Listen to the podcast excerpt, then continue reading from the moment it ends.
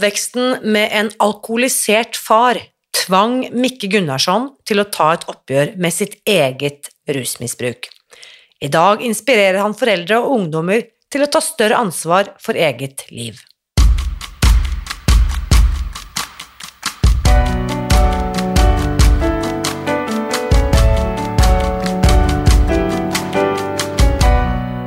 Mitt navn er Irina Lie. Jeg er journalist og forlegger, gründer og sosial entreprenør. I 2015 spiste jeg meg fri fra overvekt og fedme etter å ha slitt med vekt, kropp og følelser i nesten 30 år. Etter at jeg knakk koden, ga jeg meg selv et nytt oppdrag – å dele denne kunnskapen med alle som trenger det. I denne podkasten kan du derfor høre hele lydboken Spis deg fri. Den finner du ved å bla deg tilbake i arkivet og lytte til første sesong. Hver uke inviterer jeg nå gjester som gir deg påfyll til hodet, hjertet og magen. For min visjon er å endre Helse-Norge, og det får jeg ikke til alene. Du bidrar ved å abonnere på podkasten, skrive en omtale i iTunes og tipse meg om hvem jeg burde invitere hit. Da setter vi i gang med ukens episode. Mot slutten av dagens episode får du høre spørsmålet Mikke Gunnarsson stiller svenske tenåringer når han holder foredrag på videregående og ungdomsskoler. Jeg vil eh, be deg om å skrive ned dette spørsmålet, for jeg er sikker på at eh, det han spør om, kan gi grobunn for en viktig og verdifull samtale rundt ditt middagsbord, uansett hvor gamle de måtte være, de som sitter ved bordet sammen med deg, eller om du er alene og bare vil ha en interessant samtale med deg selv. For det er nettopp det som er så fantastisk med hele denne podkasten, spør du meg. Den skaper et rom hvor vi kan stoppe opp og reflektere over små og store spørsmål i livet. Som i sum forhåpentligvis skaper større forståelse for oss selv og hverandre. Her er ukens gjest. Kjære Mikke, velkommen til podkasten. Tack så hemskt mycket. Ah, Vet du? Dette, vi har jo faktisk møttes, det er veldig mange gjester, og spesielt fra Sverige, som jeg ikke nødvendigvis har møtt på ekte.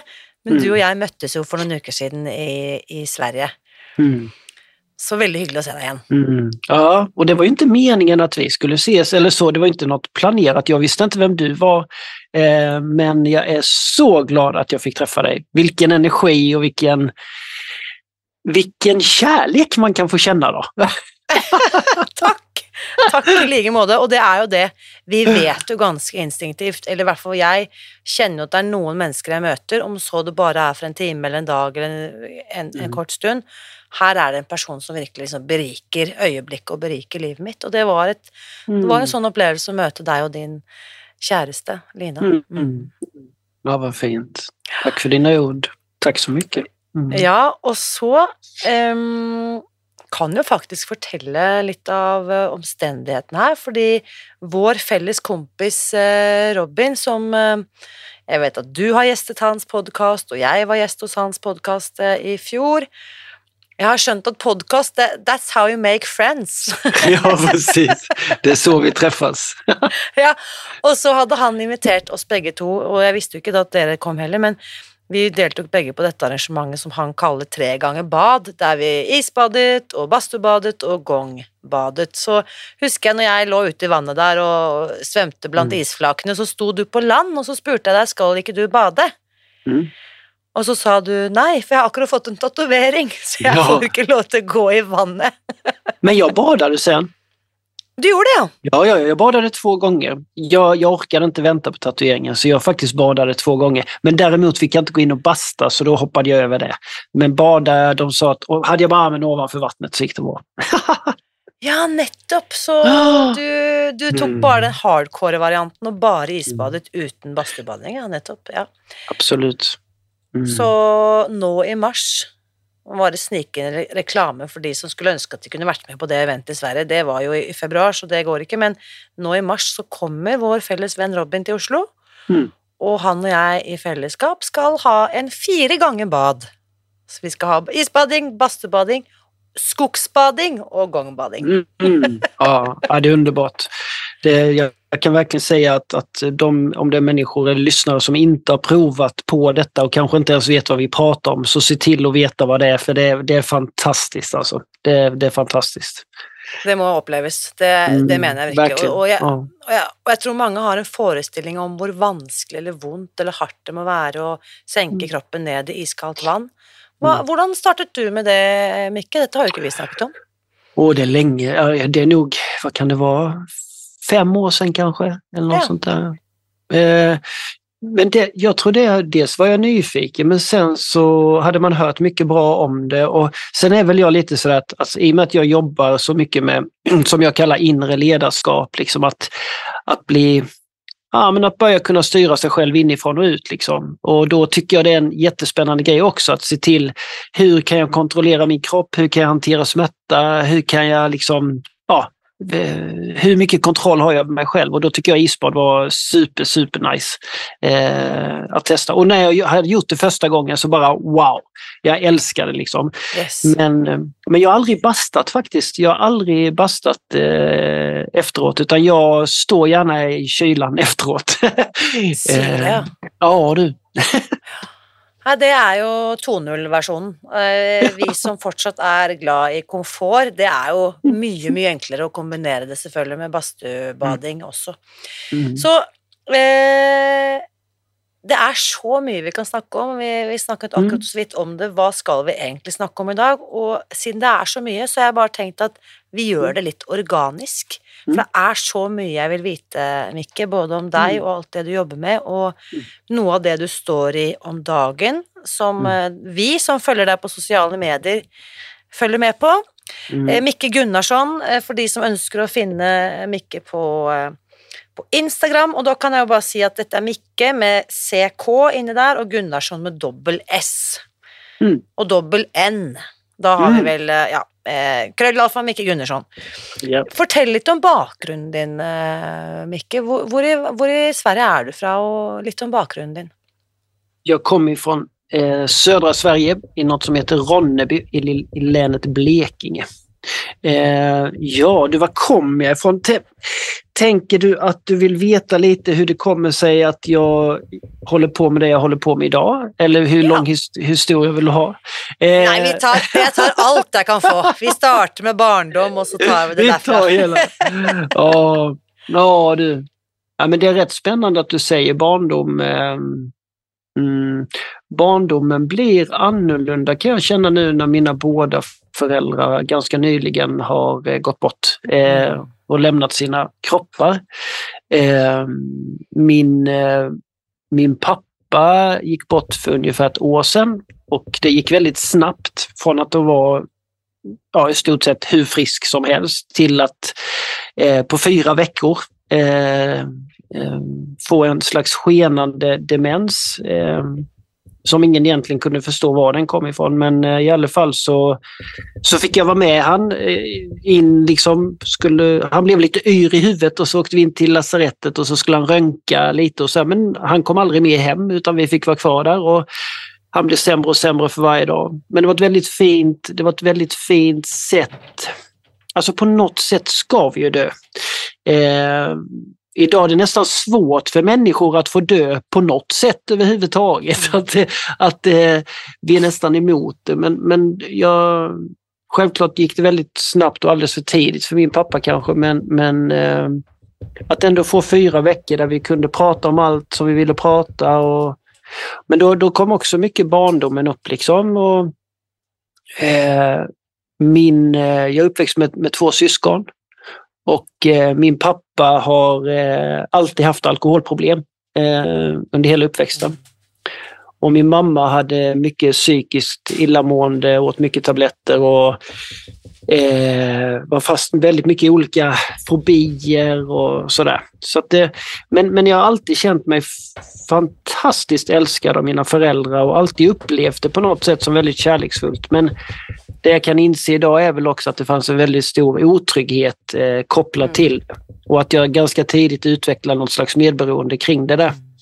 Eh, Jeg må Mm. bare skyte inn her, for de som ikke er like stødig i svensk som, eh, som meg. Medberoende er jo det vi på norsk kaller medavhengighet, eller det Mm. vi på engelsk kaller codependence. Mhm. Som jo er Jeg har snakket om dette ved flere anledninger i, Mm. eh, i podkasten, og bare på det lille du forteller, jeg kan kjenne meg igjen i veldig mye av Selv om ikke detaljene er de samme, så tror jeg mange kan Og også dette her at man har på papiret tilsynelatende en ganske dysfunksjonell oppvekst, men så oppleves det som fint. Mm, precis. Du har skrevet precis. noen innlegg om dette på, Mm. på, på, på Instagrammen din som Mm. bare virkelig har berørt meg dypt, så takk Mm. for at du har satt ord på det. Og Mm. ja, hva, hva tenker du, hvilke sår og gevinster ga det deg å ha en sånn mamma og en sånn pappa? Alltså pappas, alltså det missbruket jag är uppväxt med. Eh, det blev så här att jag själv hamnade i missbruk. Eh, skulle man kunna säga alkoholmissbruk.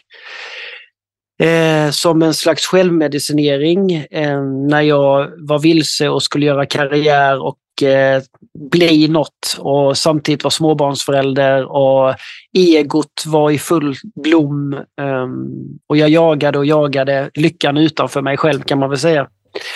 Och på något sätt för att orka med det så tror jag att alkoholen blev mitt sätt att kunna koppla av. För det har också min pappa alltid lärt mig att han, han drack aldrig utan han bara kopplade av. Det var liksom så han, han sa. Eh, men eh, det som jag tror blev min vändpunkt då för, eh, det är väl 13 år sedan nu, då, brakade, då kraschade jag. Min kropp och eh, hela mitt system i stort sett la av. Eh, man kallade det utmattning, depression, det fanns många olika namn. Och plus då att alkoholen hade blivit väldigt påtaglig. Men eh, så jag blev sjukskriven ett år och eh, fick börja jobba med insidan utav mig kan man säga. Och eh, där blev jag nykter. Eh, och eh, det har jag nog mycket också egentligen mina föräldrar att tacka för, för att jag har sett baksidan av vad det kan göra. Och jag blev den, tror jag, i sju, åtta generationer tillbaka som Mm. till slut bröt den kedjan. Sier du nå at du har, at du har klart å spore opp misbruk tilbake syv-åtte generasjoner i, i tid? Mm. Mm. Och det, och det, som, det som jag tycker är så fint, jag, hade ett jättefint samtal då med min pappa i slutet här. att eh, Han var väldigt stolt över mig för att jag hade klarat att bli nykter. Även om han inte riktigt all, inte fullt ut erkände sin problematik så var han väldigt stolt över mig. Eh, och vi satt hemma i hans soffa då precis innan och då då blev han väldigt, eh, han var väldigt berörd och ledsen för att han på något sätt kunde känna att han inte hade varit en bra pappa. Att han inte hade räckt till och att han inte fick ordning på då med, med alkoholen och det här. Och hur vi var besvikna, det har varit så mycket besvikelse och sådär. Och eh, då vet jag att när jag satt där att, att se pappa då, eh, eh, vad ska jag säga, ha så ganska taskiga tankar. Alltså han slog på sig, han såg sig väldigt liksom taskigt. Ja, vad synd om honom. Eller synd var det inte, men det var inga snälla tankar. Och jag har ändå alltid känt så mycket kärlek till pappa och då vet jag att när vi satt där så, så sa jag, men pappa du får inte glömma allt det du har gjort. Och då sa han någonting att, men vad har jag gjort egentligen? Jag, här sitter jag liksom. Och då så sa jag till honom att, att eh, du, du har ofta berättat för mig att din pappa slog dig när du var liten. Eh, ofta. Och du har aldrig slagit mig eller mina Mm. syskon. Och då vill jag att du ska veta pappa att det hade varit mycket lättare för dig Ah, jag blir nästan lite rörd nu. Men det hade, det hade varit lättare för dig pappa att fortsätta slå oss. För så var du uppväxt. Men du bröt. Du bröt pappa. Och då säger han så här till mig, vet du Micke, säger han, jag vet exakt när det hände och det var innan ni fanns till. Mm. Och det var en dag när jag kom hem från skolan, jag var lite äldre och pappa stod och slog mig. Och när han hade slagit klart, då sa jag till mig själv att detta ska aldrig mina barn få uppleva om jag får barn. Mm. Eh, och Det då när pappa, sterkt å høre. Ja, virkelig. Takk Ja. for at du forteller. Ja. men det var väldigt starkt att, att både jag och pappa kan sitta där och gråta och tacka varandra. Och, och det var så fint att se pappa känna någon slags stolthet ändå. Att, och jag tror det är viktigt för alla människor som lyssnar här idag med att vi hinner det vi hinner. Vi hinner inte med allt, vi gör det vi kan. Ja, jag har gjort saker jag har kunnat förändra men jag har säkert mycket kvar. Och jag menar vi har jag, jag i alla fall så tänker så, vi har många liv på oss men jag tror det är viktigt ibland att, att klappa sig också på axeln och mm. inte glömma bort det vi faktiskt gör. Eh, jag tycker mycket när jag jobbar med föräldrar på olika sätt att det är många föräldrar som är ganska snabba att slå på sig själva och känna sig värdelösa och otillräckliga och allt vad det nu kan vara. Plus att de själva kan vara uppe i en ganska högt tempo utav att, att den här trycket utifrån och bli lyckad i det yttre och sådär. Eh, men någonstans så tror jag också det är viktigt att, att eh, också komma till en plats där vi, där vi faktiskt kan se också vad vi gör. Mm. Eh, och även om det inte syns i stunden alltid, det är ungefär som om du och jag skulle gå ut och se liksom en liten björkkvist, på, alltså lite början på ett träd, så skulle vi säkert kunna gå där massa gånger i en vecka och vi, all, vi skulle inte se att den växer någonting. Men går vi dit om fem år så är det en jättehögt träd. Alltså att allting växer, det händer alltid någonting och jag tror det är viktigt att och komma ihåg. Och det var väldigt fint att kunna möta min pappa i slutet eh, och, på något sätt att vi båda två kunde komma till ro. Att vi, vi har nog inte varit så dumma ändå. Vi, vi har gjort mm. vad vi har kunnat. Liksom. Fantastisk. Och jag tänker på detta, vi har faktiskt inte snackat om detta med tillfriskning, vad du gjorde, men Spis deg fri-metoden som ikke sant, eh, handlar om matberoende. Där tar vi utgångspunkt i tolvstegsfilosofin. Mm. Och en av de rådene, eller på en måte mange av de eh, i den filosofin, den är ju helt fantastisk och universell, överförbar till så många utfordringer eller utmaningar. Mm. Och då sägs det ju att jag kan bara ge vidare det jag själv har fått. Mm. Så om jag har blivit slagen av min pappa, så är det väldigt vanskligt att inte ge det vidare. Mm. Så hvordan, hvis ikke jeg har fått noen mønster eller bra strategi på hvordan vise kjærlighet og oppmerksomhet, så, så kan ikke noen blame meg. Det er det jeg har fått. Mm. Mm. Så har tolvstegsfilosofien vært en del av din tilfriskning, eller hvilken eh, metodikk fulgte du? jag hittade en egen. Nej, jag, jag, måste bara få säga det också innan. Jag tycker det är också viktigt att komma ihåg, för jag tänker nu när jag pratar då om min farfar i sin tur, att han, att han slog min, min pappa då. Han fick ju stryk i sin tur. Och då måste, man, då måste man också komma ihåg att på den tiden, då skulle man slå barn. Ja. Ja, det är väldigt, väldigt viktigt. Men vi är, hur gamla är du Micke? Eller hur ung är 50, du? Allt 50, 50 fyller jag nu. Ja. Och då, om vi tänker då två generationer mm. tillbaka så är vi tidigt 1900-tal, inte sant? Mm. Mm. Ja. Och då slog lärarna barnen. Alla, ja. man, det, var, det var ett sätt man skulle fostra barn. Så att det, det, var ju, det var ju en pedagogisk rätt grej. Så att det, det är också för oss kanske vi tycker låter helt konstigt men allting har sin tid. Det var inte så länge sedan vi slutade röka i bilarna. Vissa, och, det, och det också, kom ihåg också att det är fler länder i världen där man fortfarande slår barn. Ja, jag skulle till och säga det. Detta är inte bara 100 år tillbaka, det är faktiskt 2023 i väldigt Exakt. många land. Exakt. Och, och, land vi liker att feriera i och där vi har mm. vänner som bor och där mm. detta på något är, i Västeuropa också är inte detta ovanligt. Ja. Men, men på din fråga om mitt tillfrisknande, eller man ska säga, eller uppvaknande nästan skulle jag kalla det, eller hur jag nu ska... Det var ju att eh, egentligen så, jag, jag tänker som tolvstegsprogrammet, där pratar man mycket om utifrån också att hänge sig till något större. Sen om det är livet, kärleken, Gud eller vad vi nu ska kalla det, så, så någonstans att du hittar en tilltro, en tillit till, till det som är större än dig själv. Mm. Och det kan man väl säga att, att det var väl det som hjälpte mig. Sen att jag gick inte tolvstegsprogrammet. Jag, jag åkte till en plats som heter Bara Vara i Sverige, i Dalarna. Och eh, det var egentligen inte utifrån mitt missbruk utan det var utifrån hela min utmattning. Alltså att jag, jag var helt slut. Alltså jag, jag, jag, jag var på en plats där jag inte ville leva liksom och då hade jag tre, tre barn och fru och ja. Eh, och jag provade att gå till psykologer och tre stycken tror jag det var. Men det som hände där var, jag upplevde bara att vi jobbade bara hjärna mot hjärna. Alltså det var som ett brain battle. Alltså jag kom inte åt, jag kom inte åt en djupare del i mig, i min kropp.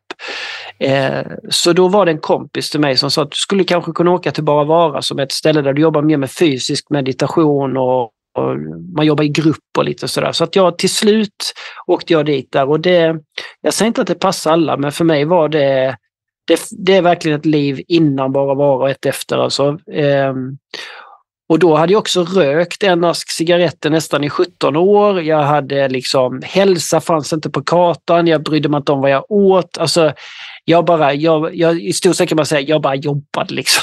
jag, jag, ja. Fast jag mådde bra. Folk, frågade folk om jag mådde bra så tyckte jag att jag mådde hur bra som helst. Jag gjorde karriär och det gick bra och jag hade fin titel och jag var chef och allt vad det var. Ehm, så, vad, vad, jobb, vad jobbade du med? Ja, då jobbade jag faktiskt på, man kan säga som ett resurscentrum inom film och digital media, skulle man kunna säga. Det finns olika sådana ställen i Sverige. Eh, men, men grejen är ju så här att jag trodde ju att det var jobbet eh, när, jag, när jag landade in, men det var ju inte det. Det var ju jag som inte kunde sätta gränser. Det var jag som, som ville bli älskad, bekräftad. Så det, var ju, det satt ju i mig. Det satt inte utanför mig. Jag trodde ju det ett tag, men det var inte, där det, det var inte alls det det handlade om.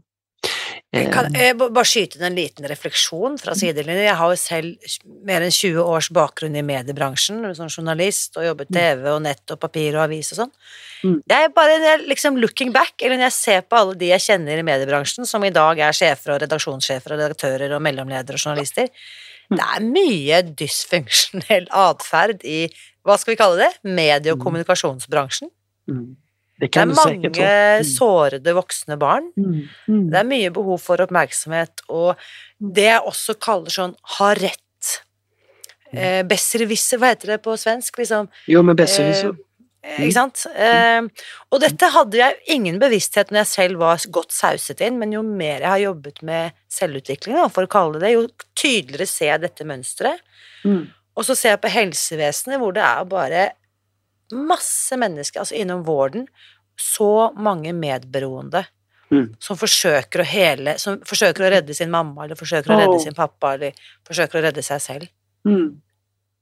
Det är ja, intressant. Jag, ja, jag känner igen det. Nej, så att egentligen, det kan jag ju se nu, att, att det, var, det handlade mer om mitt medberoende och, och andra delar. Men, men det som också Ja, det ju, alltså egentligen är det ju så att jag har ju känt ända sedan jag var väldigt, väldigt liten, alltså väldigt litet barn, att att jag var alltid nyfiken på större saker. Att det måste finnas något annat och, och liksom eh, eh, vad, vad händer efter döden? Eh, and, andar? Alltså det, jag har alltid varit intresserad av större frågor. Jag vet jag, jag, eh, och det är ju någonting som också har utvecklats i takt med, med, liksom, med mitt liv.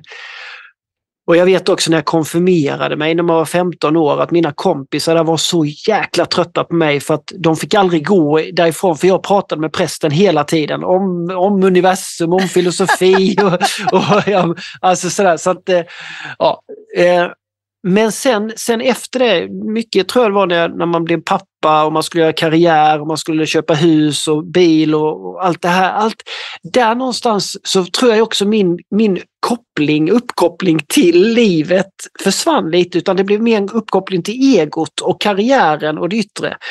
Så att när jag trillade ihop där då för 13 år som man säger, så jag, jag vaknade en morgon, kom inte upp ur sängen för min kropp hade lagt av då i den, i den resan framåt då, det tog ett tag också för många sa hela tiden så här till mig, Micke du ska se att du är snart tillbaka, du kommer snart tillbaka på jobbet. Du, du, liksom, allting handlar om att jag skulle tillbaka. Och det tog ett tag innan jag förstod att nej men jag ska ju aldrig mer tillbaka kanske tillbaka till jobbet men jag ska inte tillbaka till den plats i mig själv som har lett mig in i den här mm. destruktiva liksom, situationen. Så för mig var det att hitta modiga människor som var beredda att följa mig framåt mot något jag inte hade en aning om men som jag var mm. tvungen att upptäcka i mig själv. Eh, och där kan jag säga att, att med Bara Vara, dels fick jag läka mycket i mig, men jag fick också en känsla av att komma hem igen till där jag hade varit så liten, i det mer trygga, i det större, att jag var buren, att det finns liksom Ja, det att allt, att allt är så himla vackert egentligen, fast vi liksom rör till det. Och där var det faktiskt så här på frågan om min alkohol och rökning och det. Alltså det låter konstigt och jag, jag pratat med många om det här tidigare men för mig kom jag till en punkt där jag egentligen inte behövde kämpa för att sluta med de här grejerna utan jag kunde inte fortsätta. Det var som att jag hade tagit mig till en annan plats en annan plats i mig själv, det, var, det är liksom om du tänker att du har spelat ishockey hela livet och så går du ut på en tennisplan och det funkar ingenting. Så kändes det, så kändes det ja. mycket för mig. Så, så från att jag slutade, jag vet jag drack någon lättöl eller så här folköl, men, men sen, eh, jag har aldrig känt ett behov på det på 13 år. Nej. Aldrig, aldrig, inte rökning, inte alkohol, ingenting. Och jag tror det är för att jag vet hur jäkla coolt det är att vara vaken. Jag vill inte på något sätt grumla mitt medvetande idag. Absolut inte. Det är så, det är så kul att du säger, för jag är också av andra grunder eh, egentlig som medberoende, fordi at jeg hadde en eh, For 10-12 år tilbake så var jeg sammen med en mann som hadde et, eh, et rusproblem, en rusavhengighet. Han var beroende. Så i, i, som den gode medberoende og aktive medberoende jeg var, så sluttet jeg å drikke i solidaritet da, med mm. min daværende kjæreste. Mm. Um, så det ble min inngang til uh, nykterhet på rus. Mm. Og det som var så interessant, da oppdaget jeg jo Jeg hadde altså seriøst, siden jeg var 15 år, aldri vært på fest edru. Aldri vært på date edru. Aldri Nei. gjort noe som helst gøy. Aldri feiret noe som helst edru. Og ikke fordi jeg var alkoholiker, men fordi det bare sånn sosialt marinert i mye alkohol til enhver mm. tid. Mm. Aldri vært på venninnefester eller middager ed... Altså, jeg snakker ikke at jeg var dritings, men det var ett glass, to glass, tre glass, etter jobb, før jobb, mm. altså typ alt dette her man gjør, da. Afterski, sammen med vennene i skibakken.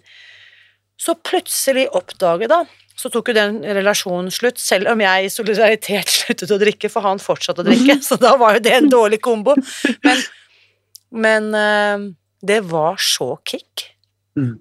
Så etter at relasjonen tok slutt, så var jeg igjen på en venninnemiddag og drakk da den hvite vinen og alt dette her.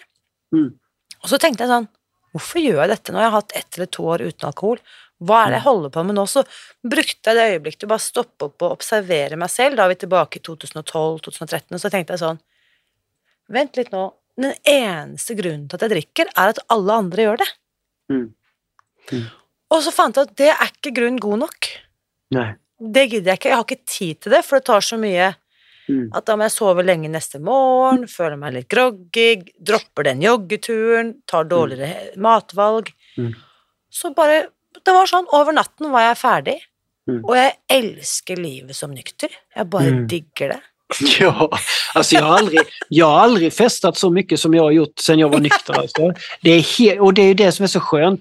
Jag har inte så mycket rädslor som håller mig tillbaka från att dansa. Från att, jag menar herregud, kolla mig på Instagram. Jag dansar, jag håller på. Jag älskar att leva. Alltså. Sen, sen märker jag att många, jag sa ju det, jag vet inte om jag sa det till dig, men bara detta året så tror jag jag tappat 10 000 följare. För att många, många tycker, det var någon som skrev liksom, du har tappat det helt liksom. Och jag bara, ja det har jag! Jag, jag, jag, kan, inte, jag kan inte nog eh, eh, känna glädje i att tappa det. Och, det, och jag tror jag också är viktigt, för det, det, var det sista min pappa sa till mig för ett år sedan när vi satt i hans rullstol. Och det, det sista meningen han sa till mig var Micke, sluta aldrig ha roligt. Mm. Alltså någonstans tror jag att man kan komma till den insikten när det går så snabbt i livets slut att man börjar fundera, här, vad, nej men herregud, var det bara, alltså, och då min pappa som, som hade en historia som industriarbetare där han varje morgon i stort sett började dagen med att säga liksom ja nu ska man att igen, en dag till, en dag till. Och där han till och med kunde skälla liksom skrika på väckarklockan liksom fan ska man behöva vakna nu igen? Och liksom att ha det, och det kan man fundera, ja om jag, om jag inte ska vakna nu igen, vad har jag då för tanke liksom? Mm. Och jag tror han, han la så många år på det och det var inte det att han vantrivdes, men jag tror det kan också finnas en fin hälsning till mig. Och jag känner han är så mycket med mig nu alltså i, i mitt liv. Men att, att han bara säger, bara fortsätt, bara gör det, bara gör det, bara gör det. Eh, och, och, där känner jag att, att jag har liksom inte tid att inte dansa. Jag har inte tid att säga nej till saker bara för att jag ska vara så skitnödigt pretto. Eller det, livet är en lek och det är så jag vill känna. Eh, livet är en lek. Mm. Ja, vi leker. Det, det, sen om man leker i sandlåda som tvååring och leker polis och sen blir du äldre och så blir du, klär du ut dig till polis och så går du som vakt. Alltså, men någonstans är det liksom ett socialt spel, en lek. Mm. Och sen ska vi bara lämna det här. Vi, alltså, så att bara, bara så vi inte väntar. Jag, jag skrev någonstans att jag dör hellre pinsam än full av längtan. Och jag tror många av oss går runt med längtan. Många av oss vet, många av oss vet att det finns mer i oss men vi av olika rädslor och olika präglingar så håller vi tillbaka. Och mycket utifrån vad andra ska tycka, andra ska säga. Och därför tycker jag det är så skönt att vara nykter för att då har jag koll på hur allt jag gör. Jag blir inte en apa på en fest efter, efter 12 som börjar bete mig på ett sätt. För det, det måste man också veta att har jag druckit alkohol eller tar andra droger så jag förlorar mitt medvetande. Då, då vet jag inte vad jag gör. Då, då kan jag, jag, jag tänker, man kan knappt skylla på en full människa om han råkar köra ihjäl någon i bilen på vägen hem. Fast han är inte där. Mm. Han är inte där. Så att när du väl har hamnat i det omedvetna, då är det kört. Då får du hoppas på tur. Utan beslutet behöver tas mm. innan. Så du behöver fundera innan på vad, hur vill du ha det? Ja. Och det är likadant med jag har jobbat jättemycket de fyra, tre, fyra sista åren med också det som har med, med sexuell skam att göra. Eh, vad ska jag säga? Eh, okontrollerad sexuell energi. Jag har jobbat jättemycket med det för att jag mm. märkte att jag var som en liten pojke i en vuxen kropp. En liten 15-åring som inte förstod vad närhet eller sex var. Och det är också en sån grej att många utav oss, jag ska inte säga, jo men jag kan säga jag känner många män med mig som bara blir saker. Vi bara blir kåta, vi blir upphetsade ens partner frågar om man kan klia lite på ryggen men man stannar inte där utan helt plötsligt tar man handen i röven. Liksom. Och, och hon, nej men vad är det? Så det, det, skapar så mycket otrygghet för att vi då, vi bara blir saker. Och jag, jag är trött på det. Jag, jag, vill, jag vill leda mig själv. det är det jag syns är så rått och som bara jag kände när vi möttes och bara de, vi hade snackat samman i några få minuter. Och så skönte jag bara, här står jag ovanför en, en man, en vuxen man som eh, tar radikalt ansvar for sitt eget liv og er mm. radikalt ærlig. Og det syns jeg er så ekstremt tiltrekkende, for det er så mange av oss som låtsas som, som later som, mm. som putter på seg den tilsynelatende vakre gardinen og viser verden. Mm. Det er på en måte bare en fasade, og vi gjør sånn og later som sånn. Og det jeg syns er så uinteressant. Mm. Fordi når jeg selv har brukt så mange år av livet mitt på å grave inn, så mm. orker jeg ikke møte andres fasader. Det er så uinteressant. Nej. Så jeg bare det, igjen tar ja.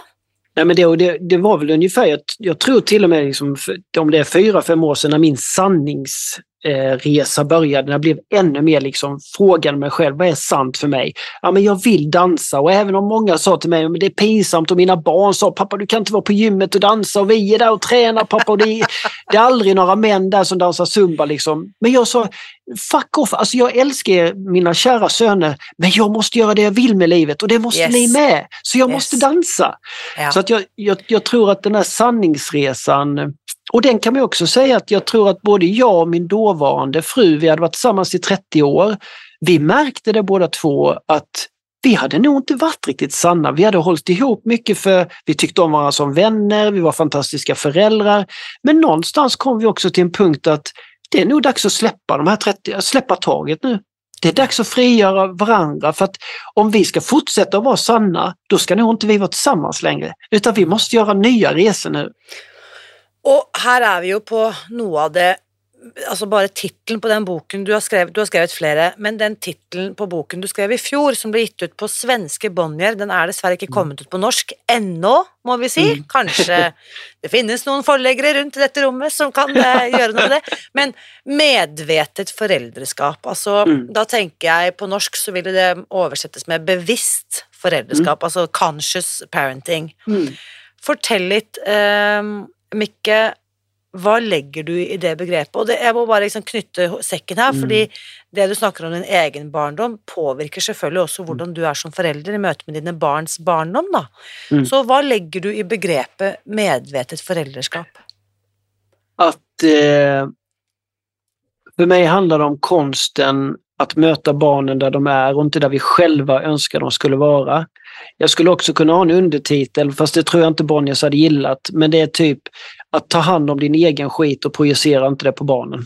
Mm. Alltså den är, den är brutal, men mycket av det, det var, det var så hela den här boken kom till, att jag förstod eh, att jag hade varit alldeles för hård mot en av mina söner när han var liten.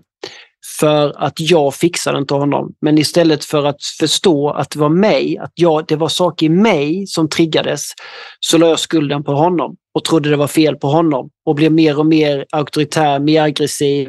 Eh, vilket vi idag då, idag är han 20, 24 år och vi pratar jättefint om det, men han har saker han måste jobba på nu för att det finns saker som han har varit med om i sin barndom som han behöver stå och det behöver vi alla.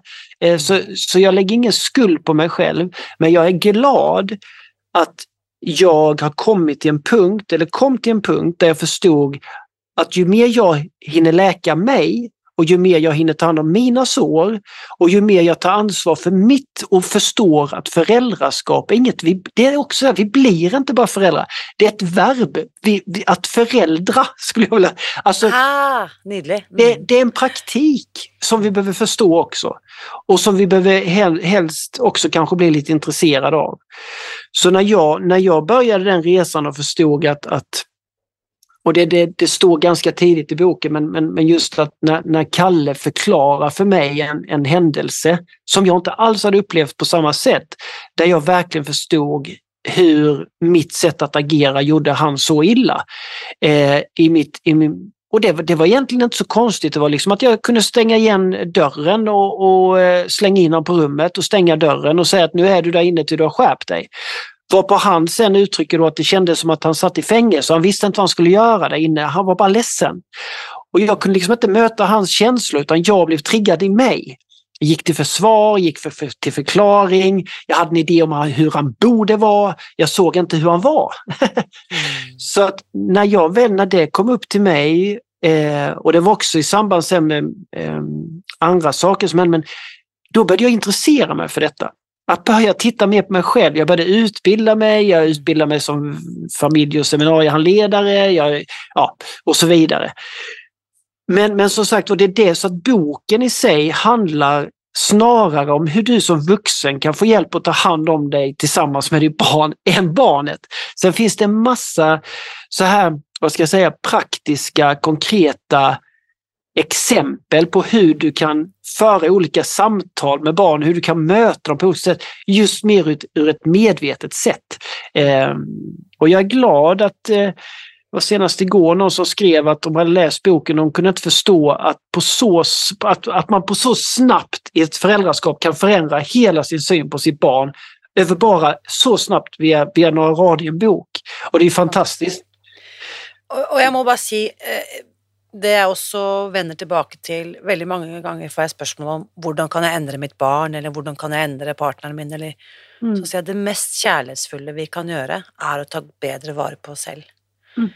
Og jo bedre kjent jeg blir med denne varelsen her, mm. her hjemme hos meg selv, jo større mulighet har jeg også for å møte ikke mm. minst mine barn, da. Och alla andra. Mm. Oh, och, och, tänk om det är så här, om vi bara leker med tanken, om man skulle i alla fall låtsas att tänk om det är så att barnen har valt oss, om vi bara leker med den tanken. Mm. Vad är det då i så fall ditt barn har valt dig för? Vad är det ditt barn har kommit hit här och försöker säga till dig? Och många gånger säger i alla fall föräldrar i, i, i Sverige att det är typiskt barnen, de vet precis vad de ska peta liksom på ens... Och jag säger, ja men det är för att de vet vilka sår som inte har läkt i dig. Mm. Så att man skulle också kunna se det som en gåva att här finns något viktigt för mig att titta på. Och inte projicera det på barnet och säga bort med det utan bjud in och, och våga ta den, eh, den egna vackra resan som det kan vara. Ehm. Jeg, eh, det som jag hører dig säga, och du säger det for så vidt direkte også, at det är helt skamlöst er for de som hører dette nå og tenker sånn shit, banditt, jeg, jeg, slo faktisk også barna mine når de var små, og hva slags sår har jeg påført dem, eller Og du sier jo veldig klart og tydelig at det er ikke sånn at du må banke opp deg selv for alt det gale du gjorde, eller måten du skulle kunne ha gjort dette bedre på. Nei. när jag, alltså, när jag är ute och föreläser runt om i Sverige så så brukar jag säga så här till föräldrar att, att om de någon gång har varit med om det, att man vet innan man ska gå och lägga sig och man tänker åh nu var jag för hård på min dotter eller usch vad, vad, jag, vad jag skrek på min son eller vad det nu kan vara. Du, du ligger där och har lite dåligt samvete. Och då brukar jag säga att ligg inte där då och slå på dig själv och säga att du är en dålig förälder eller kunde jag bli så här. Utan då brukar jag säga åk och köp en tårta och fira. För, för grejen är när du Ikke, kan... ikke, ikke kake spist i frisammenheng. Vi holder ikke på med det er bare tull. Köp någonting och fira i alla fall. Eller fira dig själv, klappa på det. Ja, För, grej, för det jag menar är så här. Det är bara det som vi är medvetna om som vi kan påverka eller förändra. Yes. Det vi inte är medvetna om finns inte. Så att så fort du har sagt så här, hur kunde jag? Varför sa jag så? Så fort du blir, kan bli självreflekterande, då har du blivit medveten. Yes. Och det är väl den vackraste gåva du kan få till dig själv när du märker det, för då kan du därifrån sen göra massa aktiva val. yes. Om du vill be om förlåtelse eller tänka att hur ska jag göra nä- nästa gång? Behöver jag, behöver jag gå ner i arbetstjänst? Jag vet inte, du har massa olika saker du kan göra. Men om du inte är medveten, då, då, då kan du bara fortsätta. Så, Og det er akkurat det her, Jeg elsker at du på en måte understreker det poenget, fordi det jeg ikke vet, har jeg heller ikke ansvaret for. Nei. Og i det jeg vet, i det jeg blir medveten eller bevisst, så Mm. inntreffer valget. Da har jeg faktisk et valg. For nå Mm. vet jeg at det er det jeg holder på med. Nå, nå er jeg klar over det. Ja. Og så er jo ikke det heller I, 12 step så sier vi at eh, discovery is not recovery. Mm. Så det at jeg oppdager at jeg gjør et eller annet som er destruktivt eller dysfunksjonelt eller Mm. skadelig for andre eller meg selv, det at jeg oppdager det, er ikke nødvendigvis at jeg tilfriskner. Jeg må Nei. faktisk gjøre noe aktivt annerledes i handling. Men du måste ha den första medvetenheten för att du ska kunna Yes. gå vidare. Tänk. Så att det det är ett fint startskott. Så i dag, du, selv, du er forfatter, du selger bøker, det er mulig, selv om ikke boken finnes på norsk, så kan den bestilles via f.eks. Adlibris eller sånne, sånne sites i Norge, så bare søk opp Mikke Gunnarsson. Ehm, og du holder foredrag for voksne, men du holder også foredrag for skoleungdom, og det var så utrolig fint, det må du bare fortelle om, så alle kan høre. Det var, Ja. Jeg ble helt rørt i tårer når, når du fortalte om hvordan du holder foredrag Mm. for ungdomsskoleelever. Typ det er eh, tenåringer, ikke sant? Typ Ja, syvende, tonåringer. åttende, niende, åttende, Ja. niende, tiende. Mm. Och så, man kan säga mellan 13 år upp till 18 år ungefär. Ja. Det är så. Mm. Ehm, nej, men det, det jag gör oftast där det är att ehm, jag låter dem anonymt få eh, ställa frågor till mig via mobilen. Och då, då säger jag så här. Eh, om du kunde få, få svar på vilken fråga som helst i ditt liv, vilken fråga är den viktigaste just nu att få ett svar på? Och så får de skriva den frågan till mig och så tar vi upp de frågorna eh, bara rakt upp och så resonerar vi och tittar på dem tillsammans. Eh, och det är, det är sällan jag får så många frågor. Alltså. Jag får så mycket frågor och man kan säga att 80% av de frågorna är kopplade mer till existentiella frågor, livet, döden, det det är en del sex, eh, oro för, för, för brustna hjärtan. Eh, ja, ja. Och det- jag vet en, en sjunde klass, jag tänkte på det med du sa innan, det här med att fejka lycka. och Så här, Det- en, en kille i sjunde klass, han skickade en, en fråga till mig, för han kom fram efteråt och sa att det var han. Och då stod det så här, hur vet man att man är lycklig och inte bara låtsas? Och den är, alltså, den är så bra! Utrolig. Ja. Och jag har ju fått hur mycket sådana frågor som helst. Och det, det, det många ungdomar säger till mig, det är att de här frågorna finns ingen plats att prata om längre. Inte så Mm. mycket hemma, inte så mycket i skolan.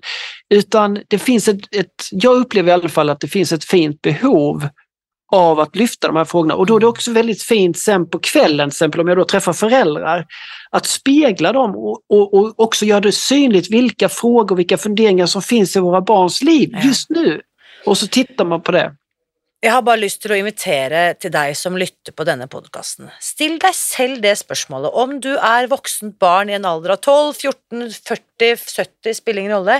Hvis du kunne spurt om hva som helst, hvilket spørsmål ville du gjerne hatt svar på? Jeg vil, for vi har jo en sånn Facebook-gruppe, Mikke, jeg kommer til å bjude inn deg der også. Mm. Så kunne vi bare invitert lytterne til å faktisk skrive i kommentarfeltet på denne episoden. Faktisk bare fun- For jeg har også Jeg, jeg, jeg er nå øh, Nå i mars så fyller jeg 47. Mm. Og innimellom så føler jeg meg som Irina 13 år og har masse spørsmål Mm. av eksistensiell eller relasjonell karakter, ikke sant? Så det er jo ikke sånn at vi slutter å undre oss. Nej. Jag har gjort samma av- sak. Jag har Ja. gjort samma sak med vuxna. Alltså jag har gjort samma, precis samma sak med vuxna Ja. också på föreläsningar. När jag varit ute på egen turné och så, så har jag haft ett pass som just handlar om det. Och det är jättespännande vilka frågor vi vuxna vill ha svar på. Och det handlar ju mycket ibland om barnen, om sjukdom, om, om eh, relationer. Men just att, att eh, jag tror det här att få ställa frågor där vi inte alltid vet svaren, där frågan är egentligen viktigare än svaren. Mm. För att, att, att kunna ja, få resonera och där det inte finns ett rätt svar utan där vi får tillsammans utforska frågan. Men att frågan är viktig för den bor inom oss. Eh, Og tror du ikke du også, i hvert fall min oppfatning, jeg har to tenåringsjenter ehm, Tror du ikke det også er en veldig fin modellering at, det, at de også ser og hører at mor og far, mamma og pappa, de voksne vet ikke alt, de heller? jo, det tror jag Jo, absolut. Absolut. Det, det, att, vara- att vara mänsklig. Att vara mänsklig och att vara en sökare och vara nyfiken. Eh, och sen märker jag också med ungdomarna att de prov, alltså, de prov, testar ju mig också. Vad går den här Micke Gunnarsson för? Hur, vilka frågor kan man ställa då? Så att jag har ju många gånger fått frågor där många lärare har liksom nästan blivit förbannade på eleverna. Vad är detta för fråga ni ställer nu? Liksom, eh, eh, Medan jag då älskar alla frågor.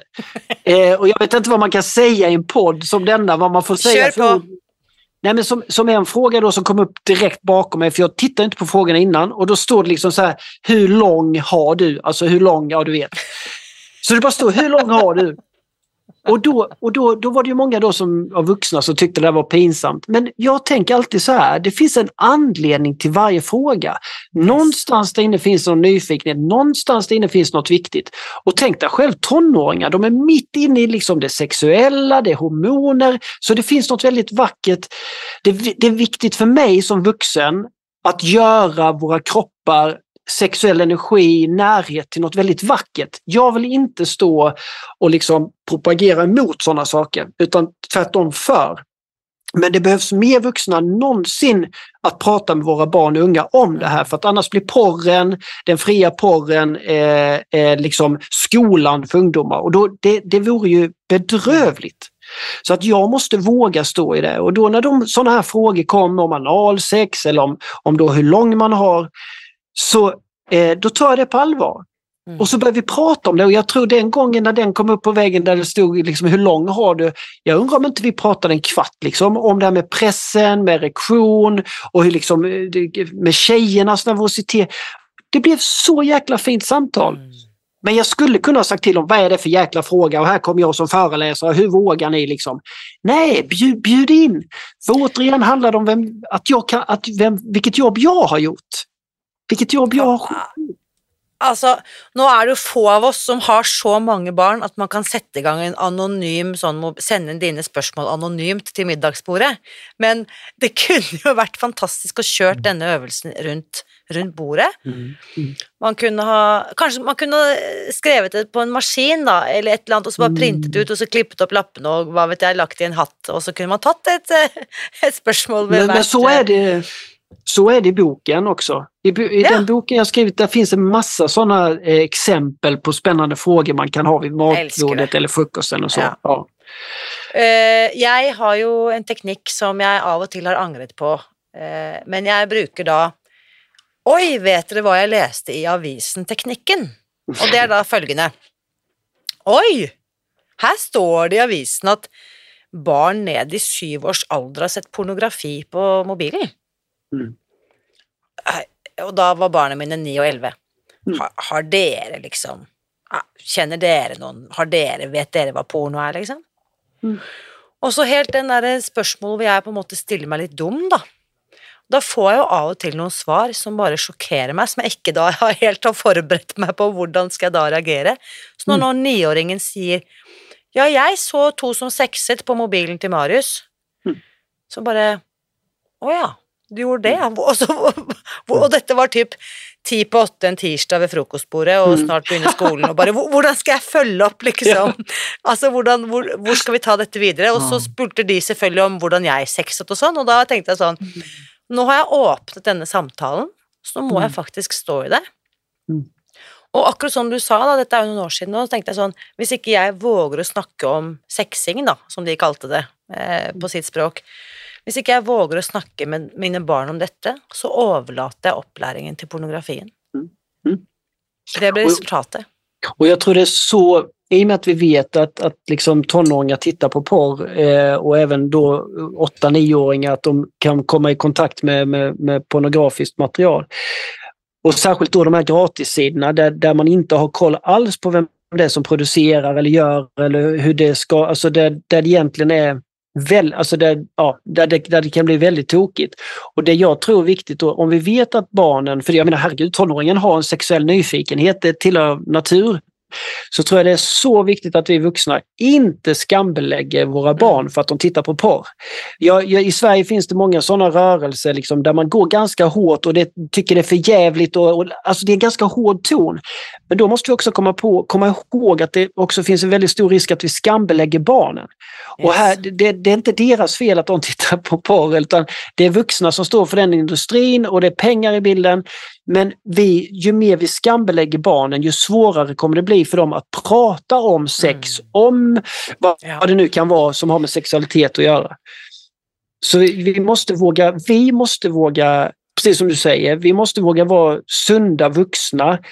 Men jag kan å andra sidan också säga att, att jag, jag skulle nog säga att nu, nu kan jag ha fantastiskt coola samtal med mina tonåringar eller mina vuxna barn. För att jag har också tagit mig en bit. Det Mm. Bara för att du är 50 år eller eh, du kallas vuxen så tror inte att du har koll på, på det sexuella skulle jag vilja säga. Mm. Utan det är också en viktig resa i sig själv att utforska. Så- men, men återigen, det behövs kloka, medvetna vuxna som vågar prata med barnen om sex på något väldigt vackert vis. Och jag har försökt göra, jag, i min app, jag har ju en app, där har jag filmer, liksom föreläsningar för ungdomar om sex och jag har liksom för vuxna och män om sex. Så att jag försöker också bidra så mycket jag kan. Eh, Ba, jag tror, ba, eh, bare for å fremsnakke appene litt, for jeg har selvsagt lastet ned appen, og Mm. der er det mulig å bli abonnent i året for Jeg trodde du hadde manglet en null eller to. Altså, det koster 149 svenske kroner i året ja, bli medlem. ja. Så, så det Ja. dekker kanskje dine kostnader til leie av app-hotell, da. Ja. Eh, ja. Men det er helt utrolig sjenerøst, eh, Mikke, fordi at det som finnes der inne, er det jeg tenker Mm. er sunn pappa- og mammaopplysning, folkeopplysning, og eh, på en måte Du, du åpner Mm. rommet da, for veldig viktige samtaler, så takk for det viktige arbeidet du gjør. Mm, Tack själv. Ja, men det är min lekplats, eller det är min ut... Det, där, där bestämmer inte Facebook eller någon annan eller Google över mig, utan där skapar jag allt det jag vill.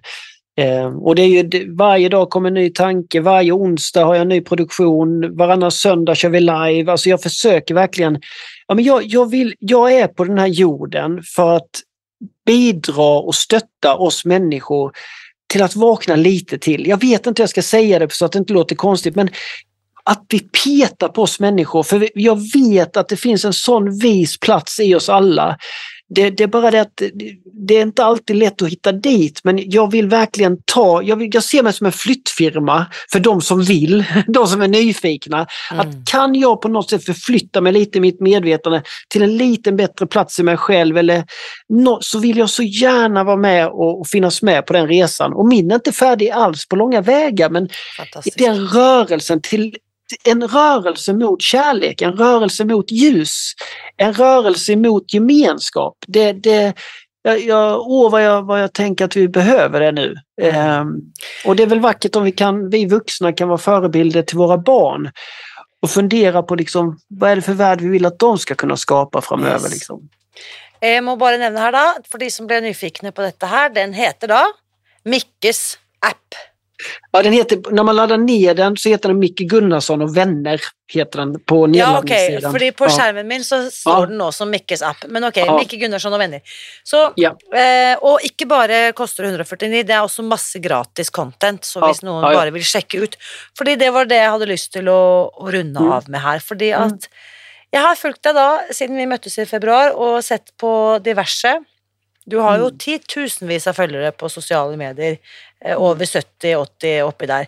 Em, og det er ikke bare sol og skyfri himmel i dine sosiale medier. For, for en stund tilbake så delte du en Mm. veldig fin video og en samtale med din kjæreste, Lina, Mm. der dere snakket om kvinner og overgangsalder. Mm. Da Jeg vet ikke om du leser alle kommentarene, men der var det noen som ble veldig provosert at en middelaldrende hvit mann skal si og mene noe som helst om kvinner. Mm. Eh, Jeg tenker da umiddelbart at de har åpenbart ikke hørt på det du faktisk sier i den videoen. De har kanskje bare sett at en mann som heter Mikke, sier noe om overgangsalder. Hva Mm. gjør du med, hva skal vi si, ikke kritikere eller haters, men hva gjør du med de som går helt i gang, liksom, og blir helt eh, Får helt eh, spader, som vi sier på norsk? Ja, jag älskar dem. Du- ja, ja, det är det enda jag kan säga Irina. Att Det, ehm, alltså... Nej men jag, jag, ehm, jag vet att allting, allt vi gör, allt vi säger, allt vi delar har en anledning. Det finns något där. Och jag kan bara möta det med kärlek. Jag, jag tänker, alltså det är också en sån här lätt, det är en viktig grej för mig också att fundera på liksom hur, hur lätt säljer jag ut mitt egna välmående? Hur lätt går jag igång? Hur lätt, alltså att behålla mig i den kärlek jag vill vara i. Och, och, och då kan jag inte tro att alla ska älska mig eller att alla ska tycka som mig utan jag kan se sår, jag ser smärta, jag ser eh, och då vill jag, sen, sen är det omöjligt för mig att svara på alla kommentarer ändå. Och ibland kan jag ju få det att, eh, att jag är oförskämd för att jag inte svarar på kommentarer. Och så, men det, det går inte heller eh, i och med att det är så mycket. Men, men nej, jag, jag, jag fortsätter min resa och de som vill vara med mig får vara det. Och de, idag fick vi ett inlägg, idag fick jag DM där det stod att eh, den synen jag har på kvinnor och män, att eh, det blev för mycket och att jag inte tar hänsyn till människor som har smärta och traumatiska upplevelser och därför så kommer jag välja nu att sluta följa dig. Eh, sorry, säger en person. Och då tänker jag, det får man göra, man behöver inte Mm. följa mig. Det.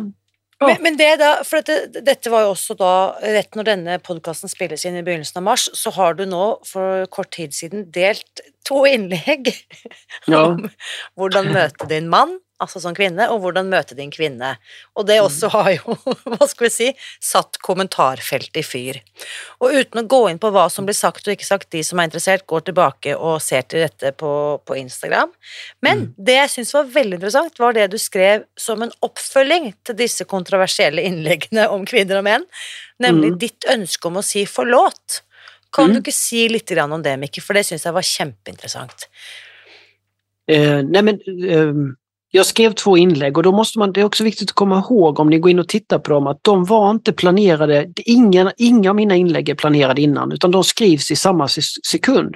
Så det första inlägget jag skrev om, om vad mannen längt, ofta kan längta efter i en relation, då hade jag inte alls någon tanke om att jag skulle skriva dagen efter om kvinnan. Så att de blev, det var ju två väldigt olika egentligen inlägg och det var väl det folk, kanske, människor kanske trodde också att de satt ihop och då kunde de bli liksom obalanserade.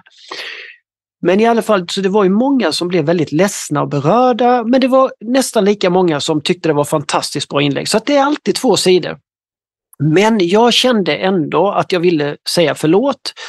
Och utav den enkla anledning att med respekt till att att vi båda två, att känna respekt inför varandra och den känslan som finns i de människorna som blev sårade och i mig, en någon slags läkningsprocess i det förlåtet. Och jag tog ju ett sådant exempel att, eh, för det är lätt att gå i försvar. ja, men det var inte meningen och ni fattar inte och jag gjorde ju inte så. Alltså, och ni ska inte... men, men jag tänker att om jag står i en kö och väntar på bussen som jag skrev och, och jag vänder mig om och ska titta på tidtabellen så råkar jag trampa den bakom mig på foten. Så kommer jag antagligen förhoppningsvis säga förlåt, det var inte meningen. Var på den andra säger, ja men det är okej, okay, herregud. Och sen, sen, sen, har vi, sen har vi kunnat sluta i fred. Om jag däremot vänder om och råkar trampa någon på foten och säger du får väl skylla dig själv, ja vad fan står du här för eller det var väl inte mitt fel. Då kommer inte det bli bra. Då kommer vi bara riva, trasa sönder, då, då, liksom, då är det vårt ego som mer har julafton. Utan att förlåt är ett väldigt vackert sätt för att mm. göra sig själv fri och frigöra andra. Och jag, jag, eh, därför kände jag verkligen att det var, och det var många som skrev till mig att du hade inte behövt säga förlåt, men jag ville säga förlåt. Jag mm. valde det. Och även om jag allt, jag skriver, allt jag skriver handlar om kärlek som jag ser det utifrån olika former eller olika sätt att, att, att vara nyfiken på hur saker och ting funkar. Eh, så jag, jag har aldrig skrivit någon och det, det är väl det jag kan bli lite förvånad över de två inläggen. att jag, jag, skriver inte någonting som är emot någonting. Jag säger inte att så ska det inte vara eller så, utan jag, jag försöker mer belysa jag, jag, tyckte att det kunde vara väldigt vänligt. Det var, väldigt, det var inget som var emot eller felgjorde någon. Eller, men, men när vi kommer till frågor om närhet, om sexualitet, om relationer, om trygghet, om närvaro, det är så många människor som bär på så många oläkta sår och framförallt kvinnor tänker jag. Det finns ju knappt en kvinna idag som inte har blivit utsatt för något slags övergrepp i tonåren eller i vuxen ålder, mm. som har gått över sin gräns, som har blivit tvingad på ett eller annat sätt eller tjatad. Hur många, hur många par idag har inte kvinnor som ställer upp på sex för att en man tjatar hemma, det var länge sedan, nu får vi väl ändå... Det, det pågår hela tiden. Så att jag kan också förstå de såren som finns där. Och någonstans, jag hade var full med sår. Jag fick börja ta min läkning. Jag började se att den enda vägen ut är in och då måste jag börja läka. Jag måste mm. våga titta de här såren. Jag vågade titta på de egna sexuella övergrepp jag varit med om. Och inte, inte längre försöka trycka undan saker, för då, då blir det reaktionärt. Då, då exploderar jag på ett, ett, det minsta lilla. Men, men vi, vi kommer dit när vi ska komma dit. Vi kan inte heller vi kan inte forcera läkning. Vi kan inte tvinga på någon läkning utan det måste mm. ske när det sker. Så att det, jag har all respekt och all kärlek till alla, alla de som blev berörda av inlägget. Jag vill bara sända all kärlek och hoppas att vi alla tar hand om oss på resan. Sen om man inte vill mm. följa mig, det, det finns ett inlägg också på Instagram där jag varnar människor, tio varningar varför man inte ska följa mig. För att det, det, jag, jag kan förstå det. Och det är många som säger det, ja men jag följer dig, sen har jag avföljt dig och sen börjar jag följa dig igen. och sen Så att det ja, mm. helt okej. Okay. Och det är väl lite sån, ja den makten har vi alla till att välja vad väljer jag att putta in i öronen mina eller in i ögonen mm. mina eller in i munnen min eller andra steder i kroppen. Ja. Och så tar jag det valget och ta bevisste valg. Och om det betyder att jag väljer dig väck eller att jag väljer dig in i min sfäre, så är ju det begge delar är ok. Mm. Och bara till de som nu har hört hela denna samtalen, nu är vi färdiga med att gå in för landning. Jag vill mm. också tipsa om Micke Gunnarsson sin Spotify-profil, där han faktiskt då, kanske jag också havner på den listan, för du har samlat alla poddavsnitt där du har blivit intervjuad och den listan är lång. Ja, det var den. Masse, vi så på den rätt før vi startet. Masse svenska podcaster. Kanske har du varit på någon norska förr, eller är detta den första norska? Jag tror detta är första norska, men däremot är det rätt många norska som följer mig, så det är jättekul. Ja. Så kul! Så du som inte har hört om Micke Gunnarsson först, you heard it here first, och så kan du höra alla de svenska poddarna som Micke har varit med på ved att gå till hans Spotify-konto. Och den heter självklart Micke Gunnarsson. Mm. Um, helt avslutningsvis, eh, Micke. Mm.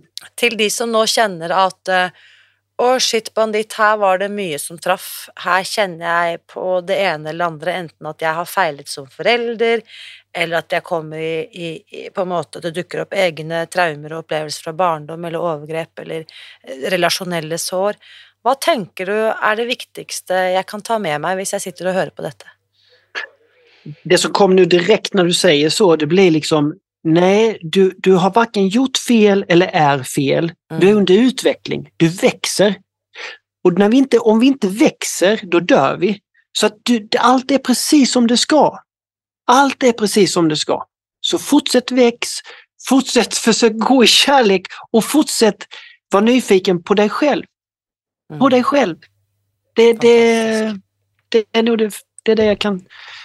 Oh, chilla och chilla. Ta, ta inte livet för jävla allvarligt. Det blir... och, sen, och jo, en sak jag säger till föräldrar. Har ni möjlighet att spara lite, lite, lite pengar. Då brukar jag säga att spara lite pengar som ni sen kan ge till barnen när de ska gå i terapi. För det, det kan... Det, det, det, jag tycker det är en väldigt fin grej att ge sina barn. För att, att göra det till en, vad ska jag säga, göra det som en norm att vi är alla fucked up. Vi är alla fucked up. Så att vi borde göra det mer naturligt. Fråga ah, vad, vad, vad tar du för hjälp och vem går du och pratar med? Gör det som en naturlig del. Så att det, det, det tycker jag, det, det kan jag tycka är kul som förälder. Det är väldigt kul att du säger. Då barnen var små och de lurte på var jag skulle en varje tisdag så sa jag att, för då gick jag i en, eh, en terapigrupp och då sa jag till barnen att, eh, dere går ju på skolan på dagen, då går jag på jobb. Så om kväll så går jag på en skola för vuxna. Mm. der jeg snakker om å lære, lære meg bedre verktøy for hvordan være en god voksen. Mm. Eh, og når de da var eh, tre og fem, eller hva det var, så var det fint. Da, da var det et begrep de skjønte, da, eh, som de kunne relatere til. De visste hva en Mm. skole var. Og, eh, så jeg tenker også det. Det er fantastisk fint å lære verktøy for min egen del, som jeg Mm. også da kan modellere for, min, eh, for mine barn. Og det som jeg også tar med meg, jeg har skrevet det med et stort sirkel her, livet er en lek. Mm. Men du, Irina, jag måste bara säga, får jag bara säga en sak? Ja, ja, just, ja. just nu när vi sitter här så har jag träningsläge för 350 föräldrar. Eh, ja, det är så roligt. Alltså, det är så kul. Ja, då är det så att under 14 dagar så får de ett, de får ett sms varje dag i 14 Ja. dagar med ett litet uppdrag som de ska göra med sitt barn. Och sen träffas vi allihopa på Zoom sen och så delar vi och sådär. Och jag kan säga, jag la ut någonting igår tror jag också om det, alltså vilka historier föräldrarna berättar. Och det är sådana små saker så jag tror igen att vi bara peta lite på varandra för att, ja just det. Och igår var uppdraget att man skulle berätta Norge-historia för, för sitt, sitt barn. At man skulle berette en Norge-historia. Ni vet svenskarna berättar ju Norge-historia. Eh, fantastisk så då hade jag eh, skickat en länk till alla föräldrar så att de kunde hitta bra Norge-historier. Och så, så fick de göra det med sina barn. Nej, men så att jag, jag tänker att det är också något som, är- och det kommer jag köra ännu mer nu, olika sådana träningsläger då. Eh, Fantastisk. Og det som jeg ja. også tar med meg, som jeg bare også har lyst til å minne meg selv om, og ikke minst alle som hører, er at vi, når vi gjør endringer, så har vi faktisk et potensial til å endre de syv neste generasjonene.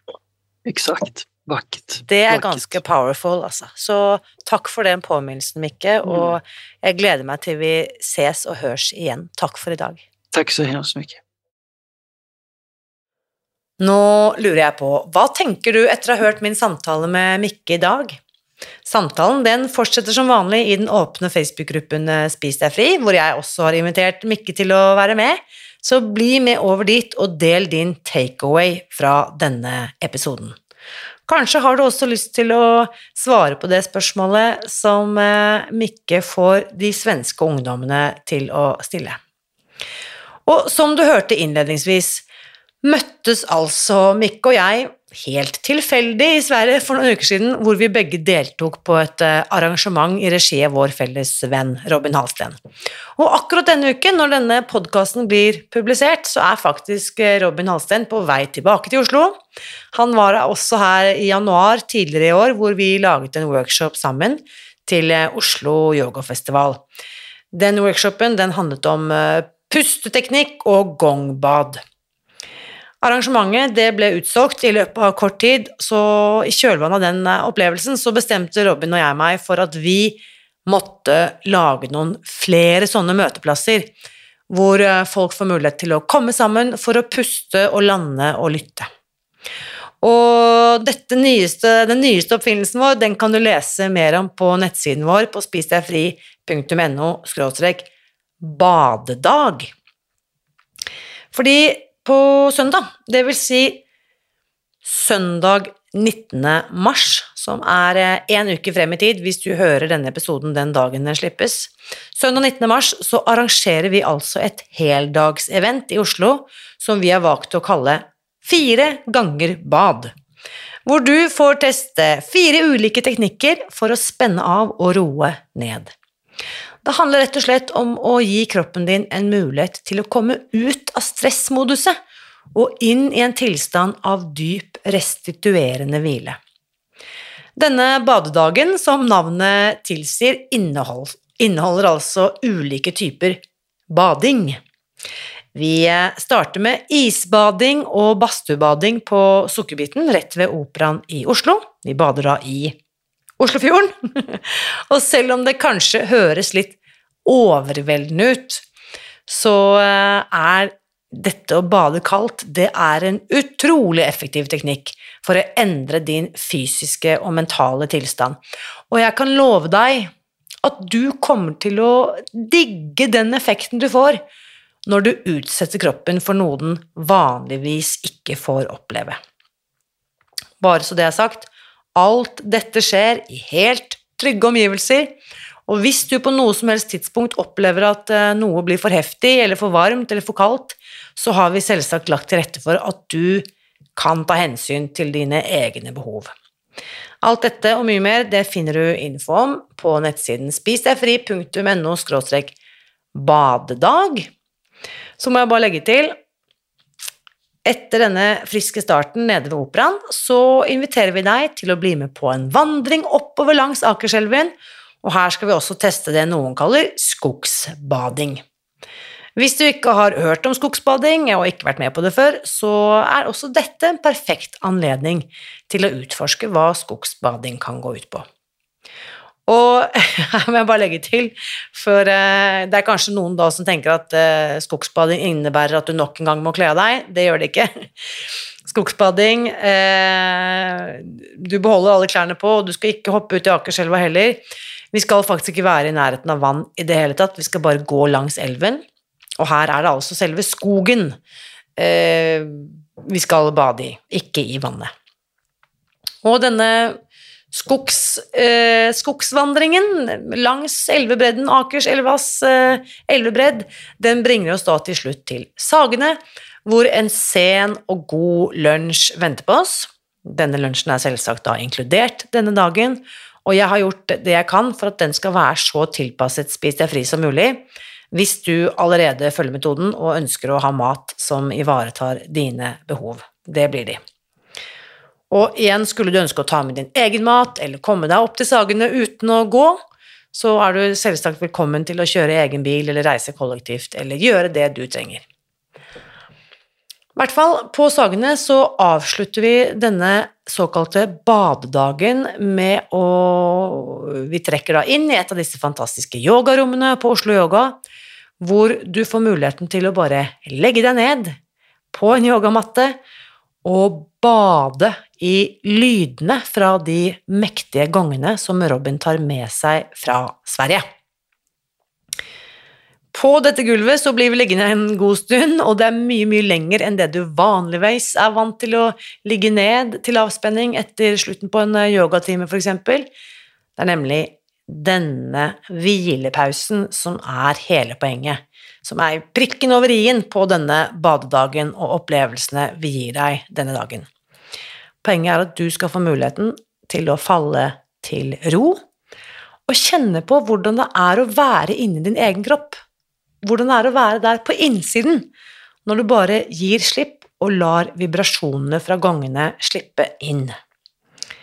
Ja, jeg kunne ha fortsatt å snakke om dette, men ord blir faktisk eh, fattige når jeg prøver å beskrive dette. Jeg, jeg kan komme med masse ord eh, og forklare hva som skjer rent fysiologisk når denne lyd, disse lydbølgene treffer kroppen din, som tross alt består av over 75% væske.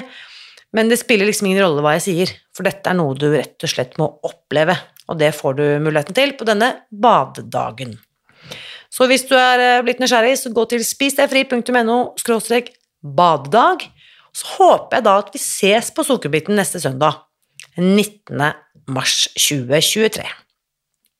Husk også, uansett hva du velger å bade i, Enten det måtte være stresshormoner eller gjørme eller islagte vann eller lydbølger, så vit at jeg heier på deg. Alltid.